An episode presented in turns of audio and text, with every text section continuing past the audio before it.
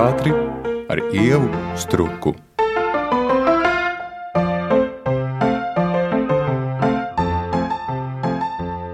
Radījumā Šņurbēniņa. Šoreiz mans viesis ir Latvijas valsts leļu teātra aktieris Rihards Zelezņevs. Labdien! Tu leļu teātrī esi nostrādājis. Man skaitot, sanāk četras sezonas. Jā, es nesen tieši skaitīju, nevarēju saprast, nu, četras vai piecas, bet ir ceturtā. Un pusi no šī laika ir pavadīta ārpus teātra mājas, proti, Latviešu biedrības namā. Mm -hmm. Un mans jautājums ir par šo salīdzinoši ļoti īso periodu. Vai piedarības sajūtu kādam teātrim veido arī ēka un konkrētā skatuve, vai tomēr izšķiroši ir tie kolēģi? Blakus. Ja arī tai mājai tomēr ir nozīme. Viņai ir nozīme, viņai noteikti ir nozīme. Ir arī teātrim, protams, izbraukuma izrādes, un uh, izbraukuma izrādes arī atšķiras. Ir arī tādas izrādes, kas ir mājā un reizēm izbrauc, bet ir izrādes, kas ir gandrīz tikai izbraukuma izrādes, ar kurām man ir palēmējies, ka man viņu īsti nav. Bet es skatos uz kolēģiem, un viņiem ir pilnīgi cita pasaule. Bet uh, biedrības nama pieredze bija ļoti interesanta. Protams, lielajā zālē tas ir Galvenais flagmanis laikam bija kabarē izrāde, kas mūs iznesa cauri tajā lielajā zālē, un ko mums izdevās iznest tajā lielajā zālē. Bet savukārt uh, kamīna zāle, mazā zāle, kur ir pilnīgi tukša. Tieši pirms pusstundas es tur biju, lai aizietu pakaļ savām mantām, kuras izrādās kāds ir paņēmis jau. Tad man jāiet viņas meklēt. Bet tur bija fantastiski tas, ka plata skatuve mazā zāle, platā skatuve. Leļu vizuālajiem teātrim ļoti var izmantot labi šo priekšrocību. Tagad, atgriežoties tajā mājā, Baronielā, tur man liekas lielākais ieguvums no remonta, ka ir trīs melnas kastes, melnas zāles, mazā zāle, kura ir ieguvusi lielākus apmērus, augstākus griestus, kameras zāle, kas agrāk bija tikai kā muzejs, kur spēlēja reizēm kādu izrādi. Tagad tā ir zāle, un lielā zāle jau izskatās tā, kā vajag. Tā kā vajag izskatās. Un, uh, par izrādi Sibīrijas haiku, par ko mēs gan jau runāsim, tur arī, ja nebūtu tā kaste melna, man liekas, nebūtu tas, kas tur ir uh, tagad. Bet vispār atbildot uz jautājumu, galvenais jau, protams, ir cilvēki. Un bija ļoti skaisti, ka tikko biedrības namā es atvadījos no dežurantes, un mēs reizēm ar viņu parunājam. Viņa ļoti novērtēja mūsu darbu, viņai mēs ļoti patikām. Viņa teica, lai mēs kā trupa turamies. Nu, skaidrs, nu, ja tu neturēsies kā trupa, tad nevienā mājā tu neturēsies kā trupa. Bet, ja tu spēj visās mājās turēties kā trupa, oh, tā jau ir veiksme, liela veiksme. Nu, man atliek tā tikai piekrist. Bet uh, Kā atšķiras, ko tu esi pamanījis, kā atšķiras tā komunikācija ar auditoriju, īpaši tomēr gados jaunu un netik pieredzējušu dzīvē auditoriju, kad aktieris parādās dzīvē, un uh, tas bērns redz, ka ir lelīte un aktieris, un tad, kad viņš redz tikai lelīti, vai tev ir iznācis piefiksēt tieši to komunikācijas atšķirību ar to bērniņu, kurš skatās? Mm, tā komunikācijas atšķirība man vairāk nospēlējas tajā, vai bērni nāk ar klasi, vai viņi nāk ar vecākiem. Un ir ļoti atšķirīgs arī, vai izrāda ir 11. no rīta, vai viņi ir pusseptiņos vakarā. Pieaugušai publikai arī noteikti to var just noteikti, bet bērniem baigi, ka tad, kad viņi nāk skolā, tur ir kaut kāda iekšējā psiholoģija, iekšējā dzīve viņiem, un tad viņi tā drošāk, daudz drošāk komentē, daudz drošāk runājās, daudz atklātāk rāda, vai viņiem interesē vai neinteresē, tad tā bišķi ir jāpacīnās bieži vien par to uzmanību. Bet tā ir tāda laba cīņa, jo nu, pārsvarā jau sanāk uzvarēt. Bet, eh, ja jautājums tieši par mani kā uz skatuves un uh, tikai lelli, es uh, jā, strādāju četrus gadus teātrī, bet es vēl aizvien meklēju, kā uzrunāt caur lelli skatītāju. Es nejūtos profesionāls pilnīgi. Es neesmu erudīts, lielmeistars. Es vēl aizvien meklēju, kā tikai caur lēli uzrunāt skatītāju, kā komunicēt vispār, ko tas nozīmē. Jo reizēm ar lēlēm ir tā, ka tas īstais nervs atnāk tikai bišķi vēlāk. Mēģinājumi ir mēģinājumi, un, un, un tur var visu kaut ko sataisīt. Un, Vienmēr leļu teātris mēģinājumi ir ārkārtīgi tehniski, ārkārtīgi skrupulozi. Tur viss ciku caku iet un, uh, un ļoti tehnisks tas darbs ir. Un tad, kad ir skatītājs, nu, tad uh, šaujam kaut kādos virzienos. Viens no tiem ir komunikācija, kā komunicēt. Un ir izrādes, kas vienkārši nedaudz ir arī mainījušās. Nu, Klaunotāts teātris virtuves man jājautā, teiksim, manā teātrī, Nacionālā teātrī. Mm -hmm. Mēs mhm. tomēr pārbaudām to reakciju pie publikas. Nu, protams, viena lieta ir ģenerāla mēģinājums ar mm -hmm. publiku. Bet nu, tomēr ir arī tā iekšējā skatīšanās, un tad parādās cilvēki no malas jau tiksim, nedēļu vai desmit dienas pirms pirmizrādes. Kā leļu teātrī jums ir tāda iespēja sadabūt puciņu bērnu, mm. kas pārbauda, vai šis strādā vai nestrādā? Ja, Jā, tas ir Katrai izrādēji teātris runā ar režisoru, ja tā ir tāda tīra bērnu auditorija, tad uzticās ģenerāla mēģinājumiem bieži vien, bet tur, kur sākas pusauģi, tas jau paliek tā riskantāk. Tā ir visriskantākā auditorija, pusauģi. Vecums no, nu, no desmit gadiem līdz. Tie, kas paši nepērk biļetes, un tie, kas neinteresējās, to ir arī visgrūtāk dabūt. Un tad tieši arī Sibīrijas haiku bija pirmais ģenerāla mēģinājums. Mums nāca, Daži bērni jau pa vienam, pa diviem nāca uz mēģinājumiem, kas vēl notika Latvijas ielas telpās, mēģinājumu zālē. Un tad uh, lielajā zālē, kad mums bija pirmais ģenerālis, tas bija tas, kur nāca skolas. Tad pirmajās minūtēs likās, nu, ka mēs to cīņu neuzvaram. ka mums neizdosies noturēt to viņu uzmanību, jo tas ir tāds liels izaicinājums noturēt pusauģu uzmanību. Turklāt ar tādu formu, ar to dzīvo kino, ko mēs tur darām uz vietas. Bet uh, beigās jau bija pilnīgs klusums. Reakcijas kaut kādas dzirdamas attiecīgi uz notikumiem, un pēc izrādes var redzēt, ka viņus tas ir aizrāvis, viņus tas ir aizķēris.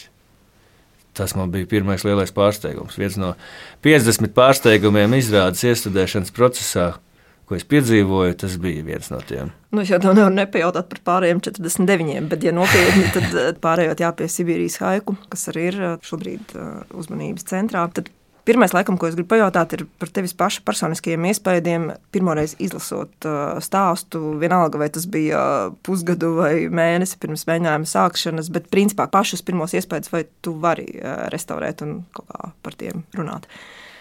Es atceros, pats pirmais iespējas bija, kad es gadu pirms izrādes redzēju, ka nākamgad repertuārā plānota Sibīrijas haiku izrāde. Režisors Walters Sīlis.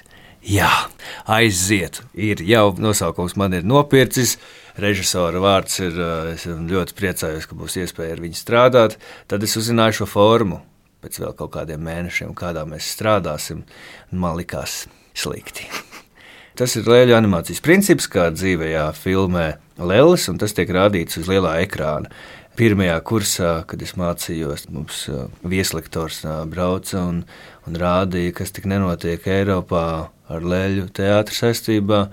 Un es redzēju video formātā gan dažus ļoti iespaidīgus darbus, un es domāju, tad, kad es izaugšu liels aktieris, režisors, tad es arī taisīšu tādu paper cinemā, to sauc papīra kinoteātris. Reizēm papīrs, reizēm citi materiāli. Un uh, tad, kad es ieraudzīju, kādā formā šī grāmata, es vēl nezināju stāstu, aptuveni nojautu, bet nebiju lasījis.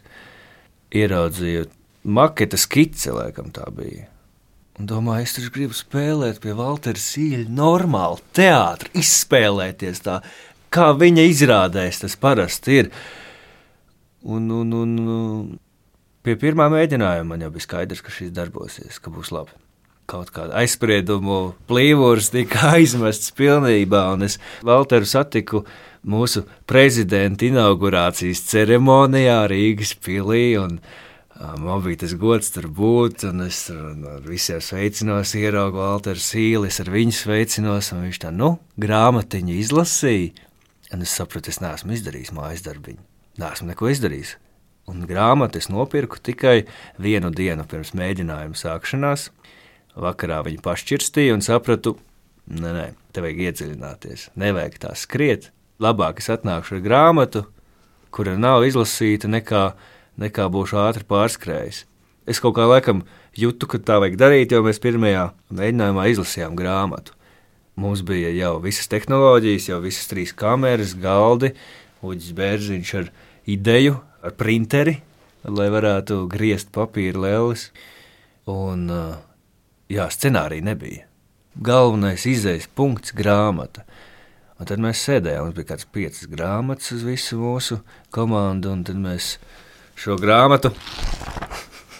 Grafiskais romāns izrādās tas ir. Nevis vienkārši komiksu grāmata, bet grafiskais romāns. Un tas ir pelnījis šo vārdu, jo tā grāmata ir tik iespaidīga. Ir. Es vispār nesen nonācu pie secinājuma, ka kur Jurga Vīle ar Līnu Itagaki, kas ir lietuviešu autors šai grāmatai, Jurga rakstīja un zīmēja Itagaki. Viņas ir ārkārtīgi drosmīgas šādu grāmatu izdot. Tad nākamie drosmīgi ir eh, mūsu vietējie liels un mazs izdevēji un tulkotāji Dārts Meijers, kas ir arī eh, spēruši soli, lai iepazīstinātu latviešus ar šo grāmatu. Un tad nākamais, protams, ir Walters, kurš spēr drosmīgo soli. Tad teātris, kurš eh, jā, taisam, un tad beigās drosmīgais ir skatītājs. Nopirkt biļeti uz izrādi bērniem ar nosaukumu Sibīrijas haiku Tagad jau ir skaidrs, izrāde ir aizgājusi, un biļetes pērk, un tauta runā, bet es ļoti priecājos par tiem pirmajiem, kas saņēmās.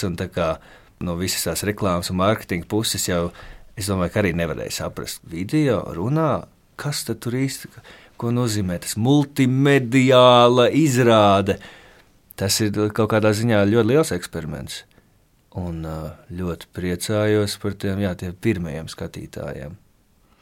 Bet runājot par šo izrādi un diezgan radniecīgo Valtera izrādi Veļupas krastā, man te ir jautājums, kā aktierim un šajā gadījumā tomēr arī galvenās lomas tēlotājiem, vai stāstīt par tik traģiskiem notikumiem ir sarežģītāk vai vieglāk nekā tos nospēlēt. Jo man subjektīvi ir sajūta, ka tad, kad tu iemieso kādu varoni, kurš ir spiests izspēlēt tādu sarežģītu likteni vai nospēlēt ciešanas, ka tur pa vidu kaut kā ir pats tas tēls. Un tad, kad tu kā aktieris runā, mm -hmm. tu mhm. man ļauj manai iztēlei tik spēcīgi strādāt, bet man liekas, arī pašam stāstītājam tā iztēle taču strādā.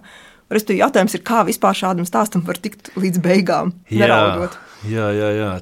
Tas ir ļoti labs jautājums, uz kuru man tā atbilde uzreiz nav. Jo mums iestudēšanas process bija ļoti garš, ar veselu pauzi pa vidu. Un uh, Valters uzreiz radīja tādu ļoti lielu uzticību, ka mēs pie šī darba strādāsim lēni, un nekam nav jābūt gatavam vēl.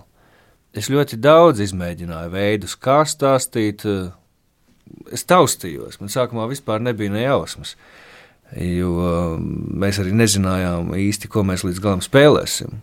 Katrs Man neteica, viss tas ir Elģimants, mācīties tekstus, mācīties puikas monologu, bet um, gan jau viņš to zināja, vienkārši neteica tā atklāti. Un, uh, kas man palīdzēja tajā visā? Ārkārtīgais pozitīvisms, pozitīvā bērnu domāšana. Viss cauri grāmatai tā ir, man liekas, tāda lielākā uzvara.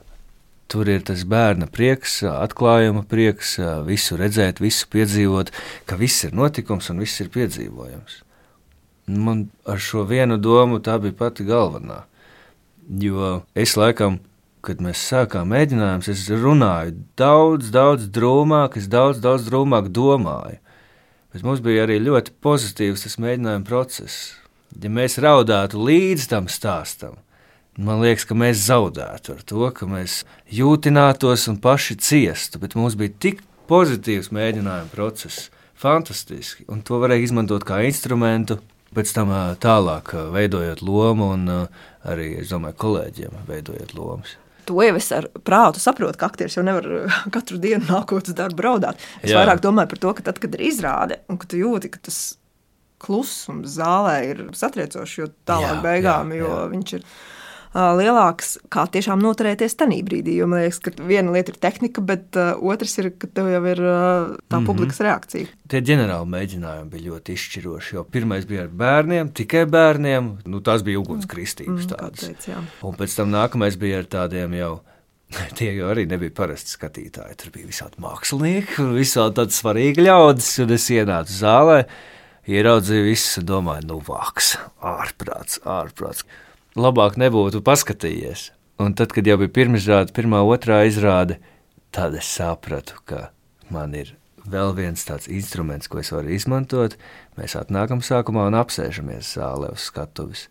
Un es tā pārlaižu visiem skatienu, es ar viņiem sasveicinos, principā, tikai ar acīm. Un uh, domās saku, laipni lūgti ceļojumā, es zinu, kā viņš beidzas, es zinu, kam mēs iesim cauri, bet, nu, ejam kopā. Un tad ir pirmais cēliens, un otrais cēliens sākas tieši tāpat. Es padomāju tieši to pašu. Es paskatos, kā ir izmainījušies tie cilvēki. Cilvēki jau citādāk skatās. Un tāda sazemēšanās un nu, miers baigi palīdz. Ja tās pirmās izrādes, jau, protams, bija nervozākas, varētu teikt, bet arī no tā varēja kaut ko paņemt, to tempu turēt un to spriedzi, kur reizēm tur ir ļoti, ļoti vajadzīga, bet reizēm ir momenti, kur, kur nevar steigties nevar skriet. Tur ir jāparāda ir tā bilde un jāpasaka tas vārds līdz galam. Ir. Bet mēs tur tik tehniski strādājam, ka arī tas palīdz nejūtināties. Nu, es tieši par to arī gribēju. Es saprotu, ka tev ir bundznieka pieredze un mūziķa gēni, bet teātrī nereti. Tā, protams, nav nekāda labā īpašība, ja fonā ir mūzika. Aktierim izdodas aiziet tai mūzikai līdzi un, mm -hmm, un kaut kādā ziņā mm -hmm spēlēt ne tā, kā varbūt režisors tieši gribētu. Un šeit savukārt es aizdomājos tieši par to, ka kā tu to vari, ja ar vienu roku tu principā dod šo ritmu un to dzelzceļa skanējumu un, jā, un, un jā. visas citas iespējamās skaņas, un tomēr tos stāstījums nekādā veidā tam ritmam nepakļaujas. Respektīvi, divi dažādi ritmi. Viens, ko tu dari ar rokām. Nu, ja tu man tā saki, tad paldies tev liels, jo tā bija milzīga cīņa tikt ar to galā. Bet atkal jāsaka paldies Walteram, kurš absolūti skaidri zina, ko viņš dara, un viņš man nevienā brīdī nepārmeta par to. Mēs runājām, jā, skaņa ir skaņa, teksts ir teksts, notikums iet uz priekšu. Nevienā brīdī es nedzirdēju nekādus pārmetumus par to, ka es, piemēram, tekstu nezinu, vai par to, ka es kaut ko jaucos. Nē, tas viss bija vienkārši mēģinājums, nesanāca. Skaidrs, mēs zinām, kur mums vajag tikt. Un um, iešana līdzi mūzikai, tas ir klasiskais, um, klasiskā un um, mūžam esošā aktiera kļūda. Tas vienmēr būs, un tas vienmēr ir bijis, un es esmu tam gājis cauri. Un es tam vēl iešu cauri. Mums tikko bija meistarklase arī. Masku meistarklase Leļu teātrī. Forša tradīcija ir iedibinājusies, ka reizē gadā mums ir kāda meistarklase, kādā specifiskā leļu vizuālajā teātrī stilā, bet kas ir saistīta ar kaut ko, ko iestudēs. Tas mums pavasarī vēl būs. Un, uh, mēs ar tām maskām strādājam, un uh, tas mūsu mākslinieks saka, es uzlikšu jums fonā mūziku. Visi sākām iet pēc mūzikas, protams, jo ātrāk mūzika, jo ātrāk spēlējam, jo lēnāk jau mēs sākam dejot. Es ļoti izdejojos visā tajā meistarklasē. Bet ar uh, Sibīrijas haiku grūtākais uzdevums bija ar vilcienu turēt tādam, tādam ritmu un uh, runāt. Tas uh, pirmajās reizēs bija nu, pilnīgi garām. Nu, tiešām bija ļoti, ļoti slikti un švaki, bet laikam tā bunzinieka pieredze man ir palīdzējusi arī ar to, ka es esmu dziedājis fonā, kā bekvokāls un spēlējis bungas ļoti daudz un aktīvi. Un, ja tie gadi nebūtu, varbūt arī es tā nevarētu izdarīt to tik uh, brīvi.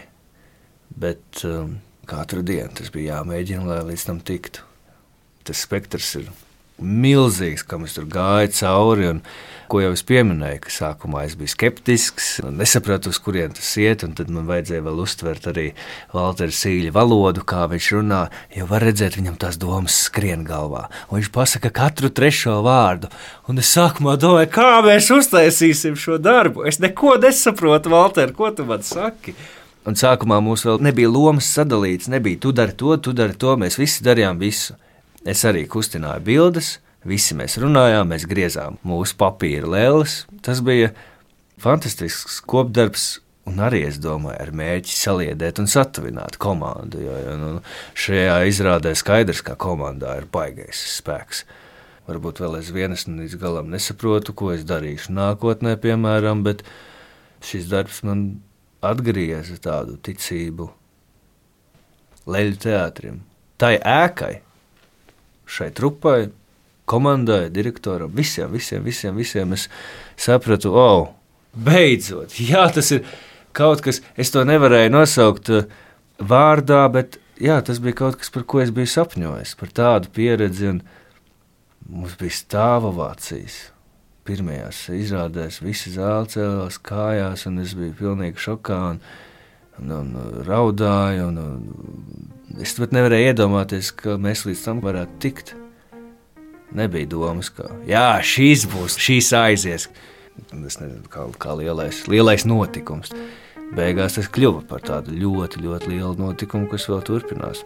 Gribu spēlēt vēl un vēl.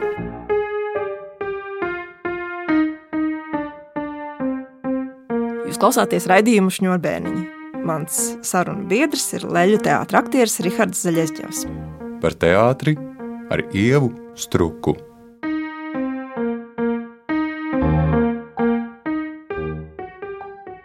Otrs lielais notikums, protams, ir Anšela Veglīša loma daudzsēriju filmā Pancī Pilī. Par to tu esi arī sniedzis intervijas un runājis. Mm -hmm. Tas, ko es gribētu sajūgt kopā, ir izrādes malkās kaitas un mm. Anšlova Eglīša faktors filmā, jo Eriks Adamsons savukārt ir Anšlova laika biedri, laika biedrs un draugi. Un, un tuvs draugs Jā, un, un tā domāšanas veids par pasauli kā estētisku parādību ka tas ir Mhm. varbūt daudz svarīgāk nekā kaut kādas pat cilvēciskas lietas. Vai un cik daudz par to iznāca domāt, uh, gatavojot izrādes smalkā skaits, un ko no šīs smalko kaišu pieredzes tu paņēmi sev? Gatavojot Anšelu Veglīti, es mēģināšu šādi pajautāt. Man ir eh, viens konkrēts stāsts, kur ir tā līdzība. Es uz Anšlavu lomu biju pirms kāda laika, jau ilgi, ilgi uz kastingu, un tad nekrita man tā loze. Un eh, tad mēs strādājām pie smalkajām kaitēm. Tehniski sarežģītas izrādes, es teiktu, pat sarežģītākas nekā Sibīrijas haiku, tāpēc, ka tur ir trīs dažādas lelles, un lai ar tām lellēm ā, labi nospēlēts, katru dienu jākustina viņas ir. Ir vajag būt baigām profesionāliem, bet mums repertuāra teātrī tādas iespējas līdz galam nav. Tāpēc, lai lielie eksperti un, un, un dižgari piedod man, ka es nenovadu to lēli, varbūt tik ārkārtīgi precīzi, bet galvenais jau ir to stāstu izstāstīt, dabūt to sajūtu.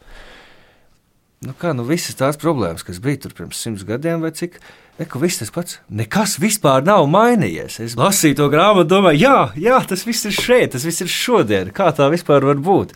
Tas man ļoti, ļoti pārsteidza. Un uh, viens krustpunkts Pansijai, Pilī un smalkajām kaitēm ir Kristīna Jurjāna, kas ir smalko kaišu māksliniece, leļu māksliniece, tērpu māksliniece un filmas māksliniece, kur viņa abas skaistas pasaules uzstājas. Es biju tik ļoti aizņemts ar smalkajām kaitēm. Tiešām tur bija jāpacīnās pamatīgi. Jāatrod pareizais virziens, kā spēlēt, un spēki jāsadala, ja tā tāda fiziski smaga izrāde. Un um, tik ļoti koncentrējos viņai, ka pat nepamanīju līdz galam, ka mani atkal sauc uz Pansiju pilī kastingu. Un Kristīna Jurjāna bija tā, kas ir Rihards. Kāpēc man neatbildi? Es neatceros, kas bija pirmais, pirmā izrāde vai tie kastingi. Tas viss laiks man ir bijis tādā mīglā, tas bija ļoti intensīvi. Un es tieši domāju par to. Anšlaus Eglīts, Eriks Ādamsons, abas divas viņus tagad satieku. Tur kaut kas saklikšķēja ļoti, ļoti pareizi. Jo man ārkārtīgi patīk tas laiks, man ārkārtīgi patīk tie darbi. Jā, tāds lielākais sapnis kaut ko vispār tādu spēlēt un piedalīties. Tagad vispār ir kaut kāds mans dzīves augstākais punkts līdz šim ar Pansiju un Sibīrijas haiku. Un es nezinu, man eh, laikam vajag atpūsties, lai, lai, lai nesacerētos, kas būs nākotnē. Vismazāk es gribu vienkārši darīt darbu un saņemt par to algu. Tas, tas apmierina manas kaut kādas vajadzības, kas man ir, bet es domāju, pieņemsim, tas Lielu teātris tur ir nu, tāds spektrs, ko vērt vaļā. Nu, tur ir. Un, un patīk, ka cilvēki zina, kāda ir atšķirība starp leļu teātri, objektu teātris, kas ir laikmetīgs teātris, kas ir forma, kas ir vizuālais. Latvijā katrs šāds iestudējums ir kā wow, kaut kas jauns. Un es domāju, nē, tas nav jauns, tas mums te ir jauns, bet tur tas jau ir. Sākumā mēs runājām par to ēku. Tad jautājums, vai tā ir tā ēka, vai tā ir tā ēka, kur tas viss varētu uzplaukt, vai kaut kur citur. vai kādam citam tas jāplaucē vaļā, ir, vai man tas jādara. Es nezinu. Es vēl aizvien domāju par to. Es jā, mēģinu saprast, nu, kā es esmu ticis līdz šejienai. Bērnībā es gribēju, tagad es esmu šeit. Tagad man ir tādi lieli notikumi dzīvē. Bet gan jau, ka tas ir kaut kāds punkts ceļā. Bet man taču ir jāsaprot, uz kurienes ej tālāk. Tagad es par to domāju. Nu, šis ir jau tāds konceptuāls noslēguma jautājums. Jā, vai mums ir jāzina, uz kurien mēs ejam, jeb mums ir jābauda ceļš, pa kuru mēs ejam. Nē, nu, baudīt jau arī var. Tas var arī to neizslēgt. Bet uh, jāuzticas arī tam, ka tās lietas var vienkārši atnākt. Tas gan, jo šī pieredze ar pansiju bija. Nu jā, negaidīti, negaidīti. Ļoti liels uh, veiksmes faktors, es domāju, arī man nospēlēja. Tad, kad skanēs raidījums, daudz cilvēku jau būs redzējuši arī 3 un 4 sēriju. Man redzot, pirmās divas ir tā sajūta, ka ir ļoti precīzi sajustas Anšlava Eglīša raksturs, jo viņš ir vairāk vērotājs nekā varbūt darītājs.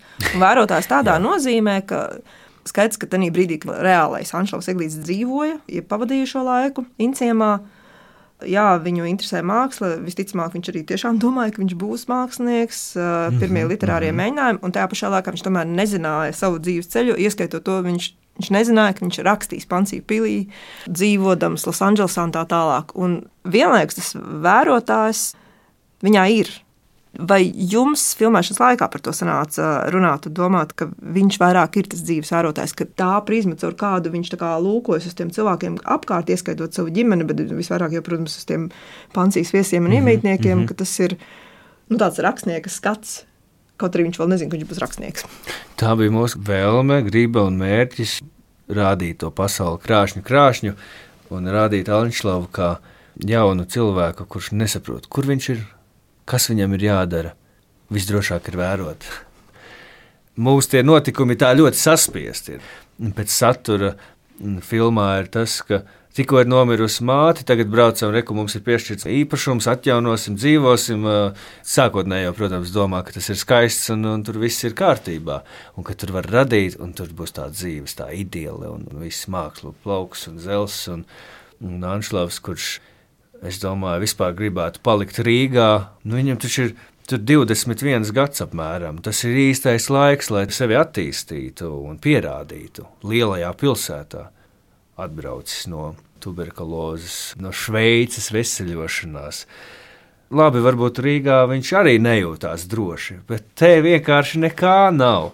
Un kas tad es esmu un kur man būt un ko man darīt? Un Šie jautājumi mani nomocīja ārkārtīgi, kad es iestājos kultūras akadēmijā. Kā man nevedās, cik es biju, nu, galīgi auzās. Es biju kā mazs students, Rihards. Neko nesaprotu. Kāds leļu teātris, kas tas ir vispār, kur es esmu nokļuvis, un es vēl cenšos. Es biju ārkārtīgi centīgs, visu gribēju pareizi izdarīt. Un tāds sajūta nepieņem. Bet es taču tā cenšos. Un tad tu redzi to teātri, kāds Latvijā ir, un tu redzi tās labās lietas un sliktās lietas, un ieraugi savus tos lielos pedagogus, un sāc viņiem nepiekrist. Un tas bija, tas bija traks laiks, bet es arī laikam biju personīgi nobijies. Man likās, ka tās rakstura īpašības un tā personība, kas man ir, neder, un man vajag kādam citam būt. Un tad pirmos gadus es cietu no tā un uh, sapratu, ka tā ir tikai nesen. Nu, Rihards, klausies, nobeigumā man jāsaka, ka ir jāsāk rakstīt vai nu lugas, vai dzēju. Vai, vai man Anšlaus ļoti ir iedvesmojis rakstīt. Es tā arī daru. Jā, es rakstu daudz un dikti, un pats smējos par to, ko es rakstu. Bet, uh, kā no Sibīrijas, haiku, kā no Pansija pilī, no katra projekta es kaut ko ņemu sev. Tas ir baigi svarīgi man kaut kādai iekšējai attīstībai. Man liekas, katram vajag saprast, kāpēc viņš, katram aktierim, režisoram, kāpēc viņš to dara un ko viņš var paņemt no tā darba. Ja tas vienkārši dara, tad nav interesanti. Lieliski.